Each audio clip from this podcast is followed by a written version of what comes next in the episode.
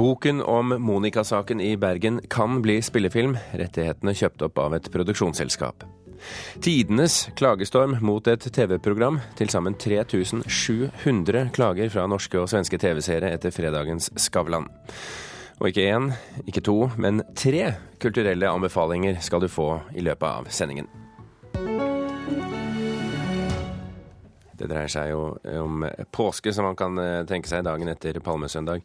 Kulturnytt får du i dag med Birger Kålsrud Aasund i studio. Boken om den såkalte Monica-saken i Bergen av varsleren Robin Schæfer kan bli spillefilm. Forlaget hans er nå i samtale med et produksjonsselskap. Filmen føyer seg i så fall inn i rekken av kriminalhistorier fra virkeligheten som nå kan bli fortalt på TV og film. Vi har fått henvendelse om uh, kjøp av opsjon på den boken til med siktemål å, lage en film fra et uh, større norsk uh, produksjonsselskap. Det sier forlagssjef Tine Kjær i Vigmostad Bjørke. Men ønsket om å ta Monica-saka til skjermen er bare det siste eksempelet på at virkelige krimsaker engasjerer. It was by this court ordered that execution of the sentence of death by hanging of Perry Edward Smith Dokumentarboka 'In Cold Blood' fra 1966 av Truman Capote er en av verdens mest solgte bøker innen sjangeren true crime, krim basert på virkeligheten. Og boka blir som starten på denne sjangeren i moderne tid. Og det siste året har sjangeren fått et realt oppsving. Før jul følger mange den tolv episoder lange podkasten Serial. Og nå på nyåret har dokumentarserien The Jinx fått mye oppmerksomhet.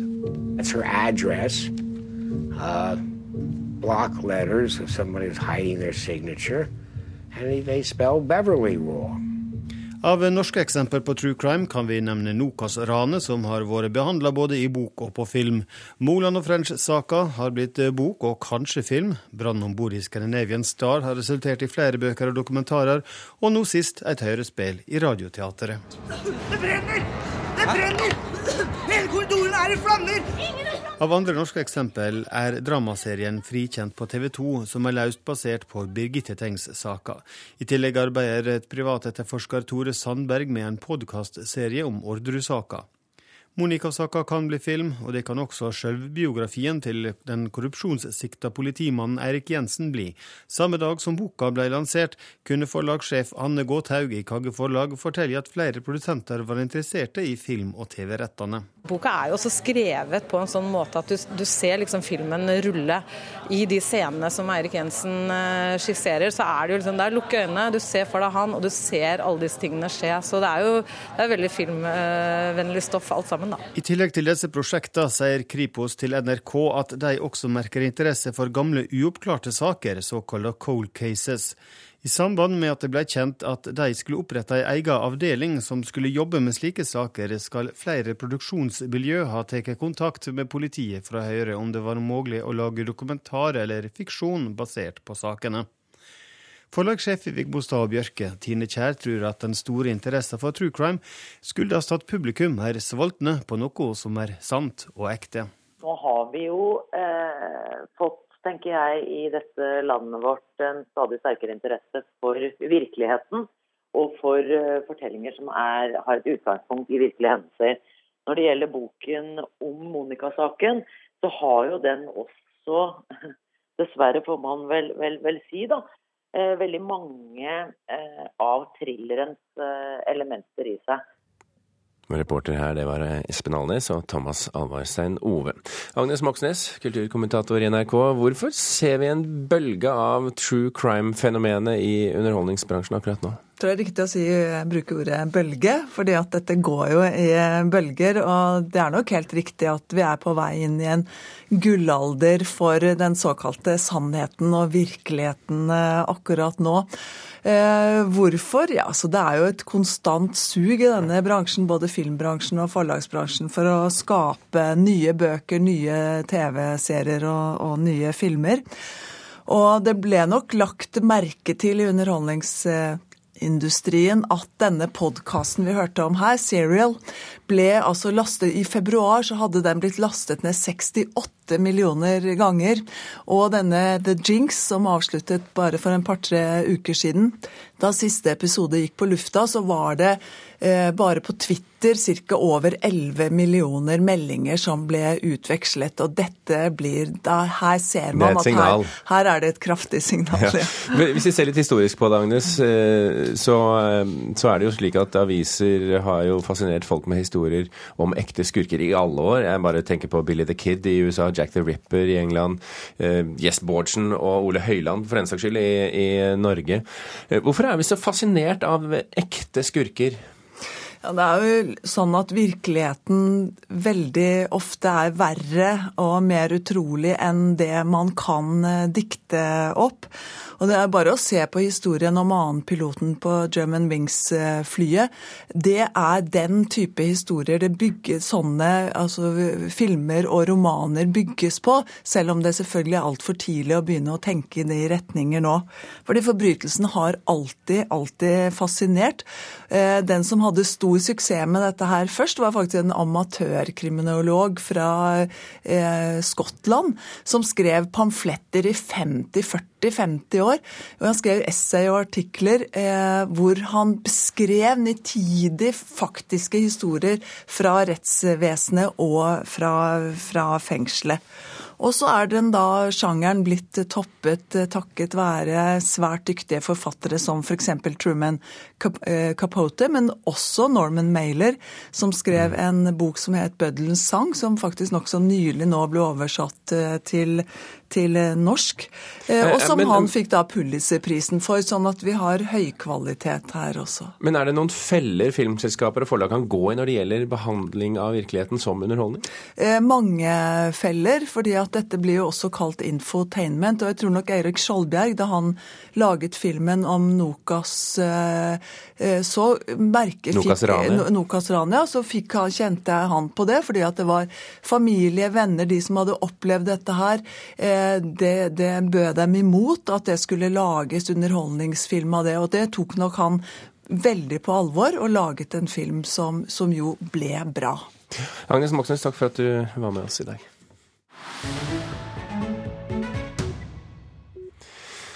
Det har nå kommet til sammen rundt 3700 eh, klager fra norske og svenske TV-seere på fredagens Skavlan-sending. Klagene retter seg mot Fredrik Skavlans intervju med Sverigedemokratenes sykmeldte partileder Jimmy Åkesson. Det var min eh... Give him hell? Ja. Därför att jag tyckte att hela den här debatten blev så bisarr. Nu fick det liksom räcka. Någonting Tycker du det är ett bra sätt att ta ansvar för Sverige?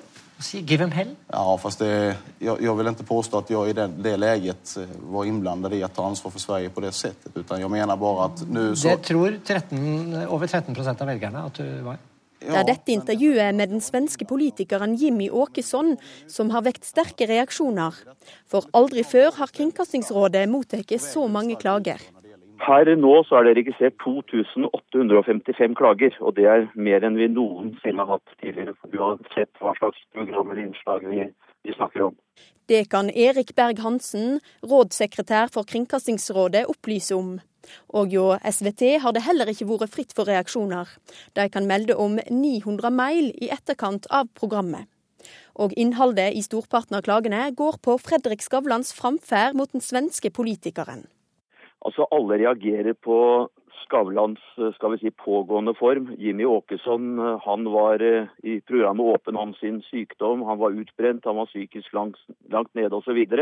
Mange mente at han fortsatt framsto som ja, ikke helt frisk. Og I den forbindelse så mente ja, samtlige av de klagebrevene jeg har rukket å lese, i hvert fall, at Skavlan oppførte både respektløst, trakasserende, viste dårlig vurderingsevne. Han tråkket på noen som lå nede, at det var både pinlig og smakløst. og ja, Enkelte snakker om at de er flau på både NRKs og, og hele Norges vegne, faktisk. Så, så det, er, det, er, kraftig kost, og samtlige de ber, nesten, nesten samtlige ber om at Åkesson bør få en uforbeholden unnskyldning fra NRK. Fredrik Skavlan synes sjøl at det høye antallet klager er interessant. Det får meg til å tenke. Eh, det får meg til å tenke hva er grunnen til at dette skjer i Norge, mens det, det ikke er sånn i Sverige? ettersom Jimmy Åkesson er en svensk politiker. Um, og jeg, jeg, kan, jeg, kan, godt forstå at mange kan bli opprørt av det intervjuet hvis man ikke vet uh, helt hvem Jimmy Åkesson er, og hvilken rolle han spiller i svensk politikk. Jimmy Åkesson er en veldig kontroversiell politiker. Vi har ikke den typen politiker eh, på vårt storting. Uh, han representerer et veldig kontroversielt parti. Uh, som ifølge mange har ekstreme holdninger.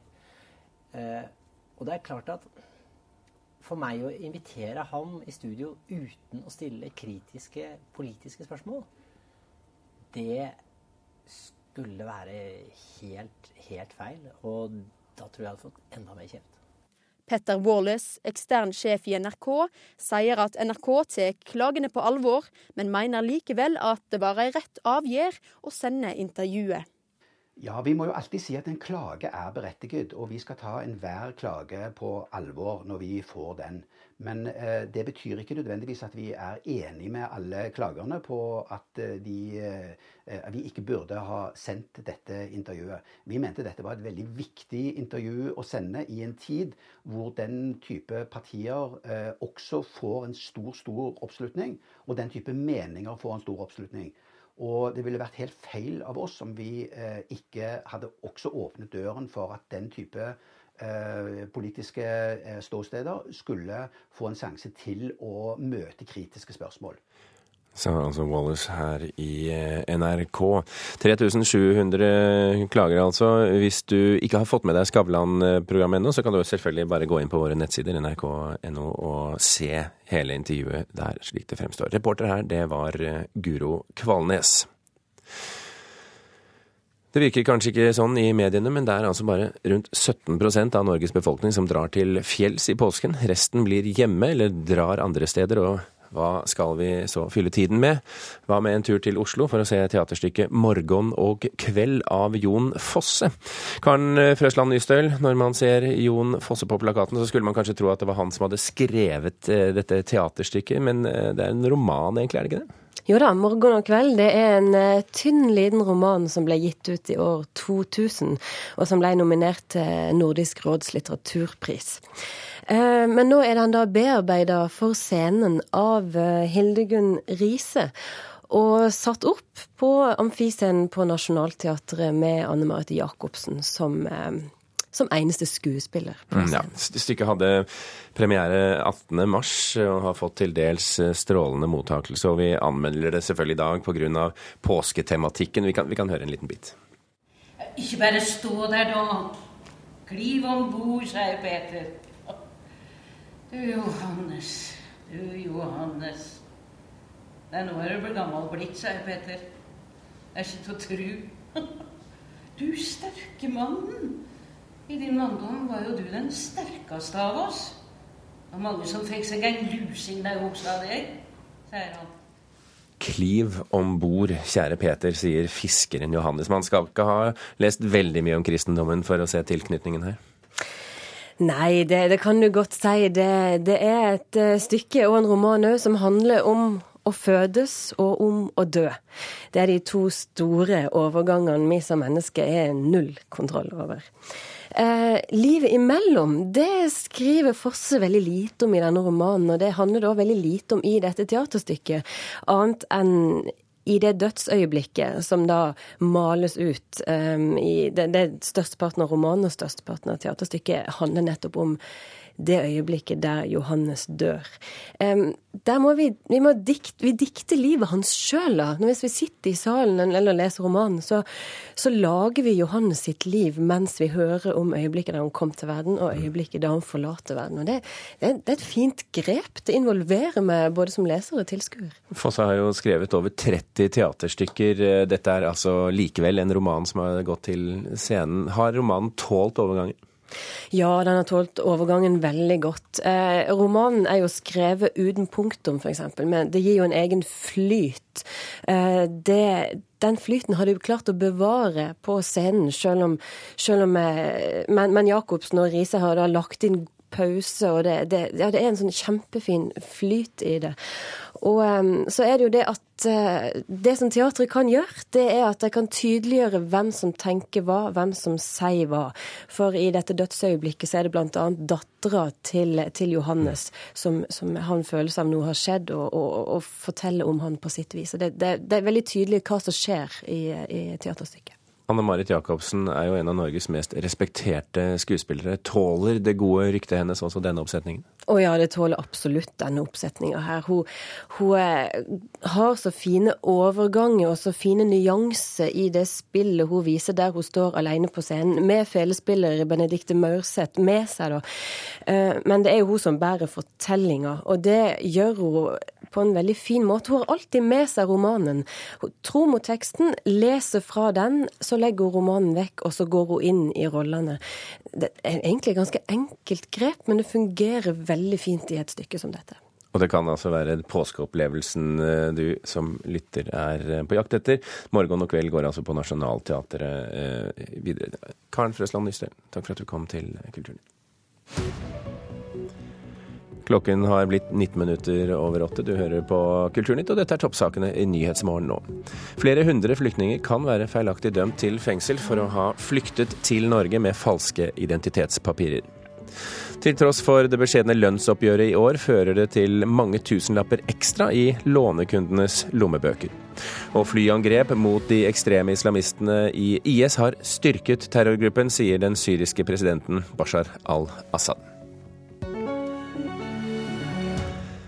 Vi snakket om eh, true crime i begynnelsen av sendingen. Nå skal det handle om eh, klassisk påskekrim. I studio har vi fått besøk av krim- og TV-entusiast Asbjørn Slettemark. Eh, velkommen til Kulturnytt. Tusen hjertelig takk. Skal vi, skal vi, gå på din første anbefaling, det som vi da kan kalle nyheten i dag? Ja, først så vil jeg anbefale en TV-serie som heter Bosch, som ligger hos HBO Nordic, denne strømmetjenesten. Bosch er en serie som er basert på romanfiguren Harry Bosch laga av Michael Connolly, en av vår tids største eh, krimforfattere. Det er klassisk eh, krim noir eh, som bakteppe, altså med dette mørke Los Angeles, eh, men som da er lagt til nyere tid med denne eh, ja, jazzelskende, rettferdighetssøkende detektiven Harry Bosch. La, la oss høre litt fra denne serien. Every murder is the tale of a city. Feels like we're putting band-aids on bullet holes. Hands up! No doubt about it. I'm Detective Bosch, LAPD Hollywood Division. This is the work I do. Ja, dette var jo lyd av, fra den traileren man kan finne på YouTube hvis man vil eh, ta en liten sniktitt først. Eh, det er ikke noe lystige greier, dette? Nei, altså Harry Bosch dukker dykke ned i de mørkeste delene av eh, Los Angeles. Eh, men det jeg liker nok med, med Bosch, sammenlignet med mange andre serier, den er en veldig sånn klassisk krimserie. Eh, for oss som har vokst opp med enten det er Detektiven eller Miami Vice, så, så er det en serie hvor vi følger en detektiv eh, gjennom en sånn stor sak som ruller og går gjennom eh, ti episoder, er det vel. Eh, samtidig som han da på hjemmebane må, må stri med litt eh, vanskelige ting. Sånn. Så jeg tror for sånn fans av, eh, av klassisk krim, så vil Bosch være en eh, veldig hyggelig oppdagelse. Eh, du har jo tittet eh, rundt og snust med din fininnstilte nese for å mm. finne de skjulte perlene som vi, som vi, burde se, men egentlig ikke finner så lett tilgang til. Men du har funnet én nå, endelig tilgjengelig. Ja, vi skal tilbake til 80-tallet. Eh, vi skal til en TV-serie eh, som ikke er fra 80-tallet, men som da er lagt til 80-tallet, eh, som heter The Americans. Og som handler om en helt vanlig amerikansk familie ute i suburban, ute i forstedene til, Washington. En familie som driver reisebyrå, har to unger som går på skole og går på fotballtrening. Det eneste lille problemet er at begge to, foreldrene, spioner for Sovjet. You're my wife. Is that right? Super secret spies living next door. They look like us. They speak better English than we do. They're not allowed to say a single word in Russian once they get here. And you make any noise, I will kill you. It's probably a coincidence. Or they're onto us. And this is what? We take those risks every day, Philip. That's what we do. Dette er i motsetning kanskje til Bosch eh, noe lystere litt eh, humor eh, inne i bildet her også? Ja, lite grann. Det er jo litt sånn 80-tallspastisje i, i, The Americans, mens, men mest av alt så er det en et veldig sånn velskrevet spiondrama med amerikanske familie som, som bakgrunn. Den sånn perfekte familien som ikke er så perfekt likevel, for at den spionerer for, eh, for Sovjet.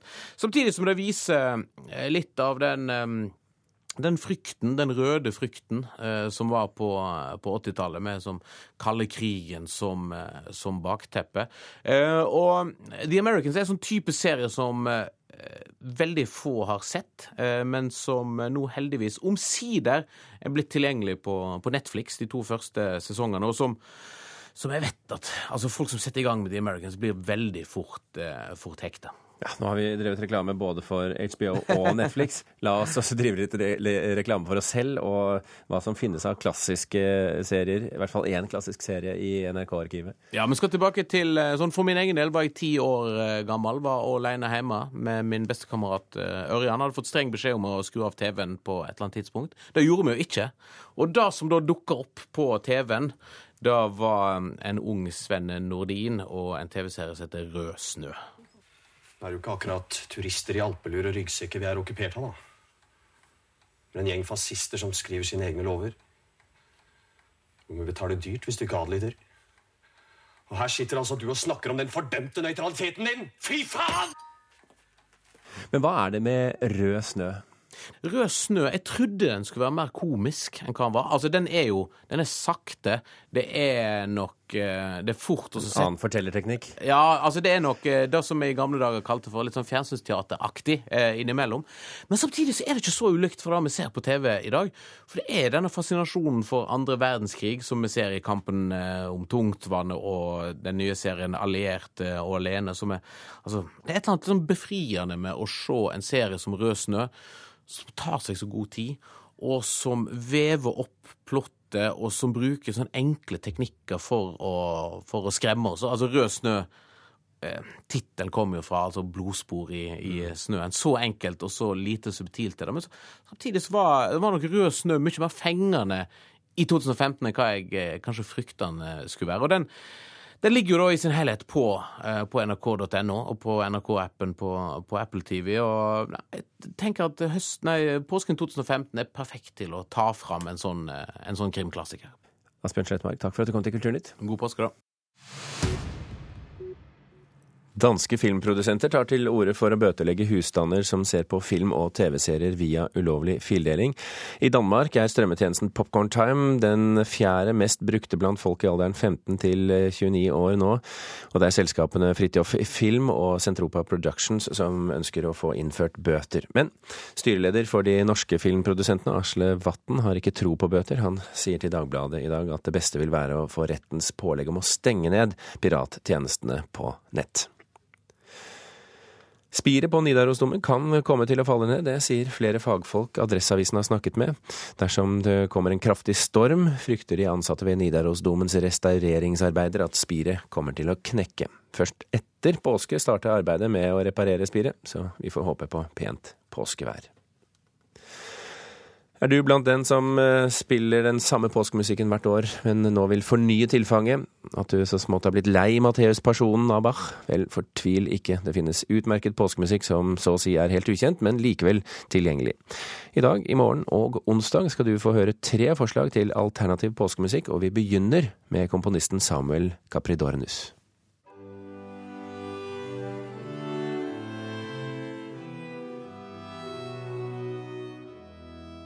Først skal vi til Samuel Capricornus, født i Bøhmen i nærheten av Boleslav i det som i dag er Tsjekkia, i 1628. Capricornus han studerte språk og teologi i Slesien, før han kom som musiker til keiserhoffet i Wien.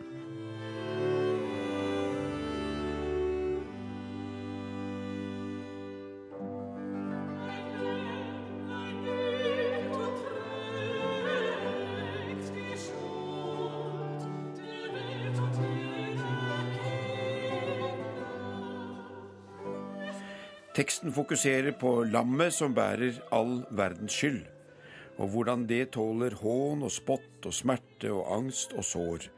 Dette lammet er min sjels frelser og venn. Det er altså en dyp og inderlig langfredagsmeditasjonstekst. Når vi hører denne vakre musikken hans, så er det jo rart å tenke på at Samuel Capricornus er så lite kjent, for ikke si neglisjert av musikkhistorikerne.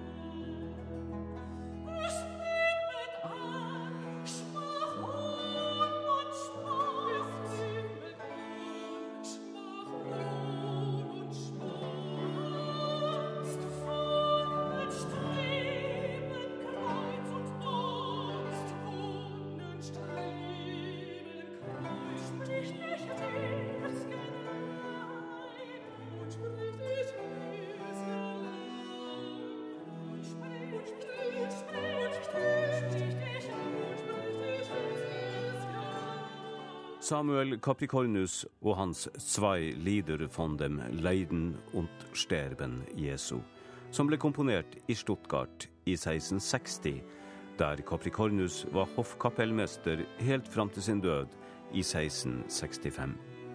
Han ble bare 37 år gammel.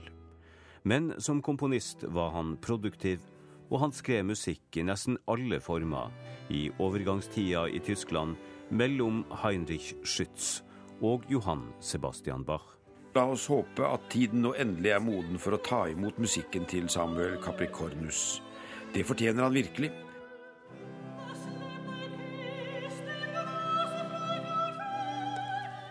Påskemusikk av den glemte tyske barokkomponisten Samuel Capricornus, fremført av La Chapelle Renan under ledelse av Benoit Aller. Du hørte biskop i Sør-Hålogaland Tor B. Jørgensen og kollega Tore, Bjørn Tore Pedersen, som er tilbake med del to i denne serien eh, i morgen. Kulturnytt eh, er slutt. Du fikk sendingen levert av Frode Thorshaug, Andrea Kvamme Hagen og med Birger Kålsrud Aasund i studio.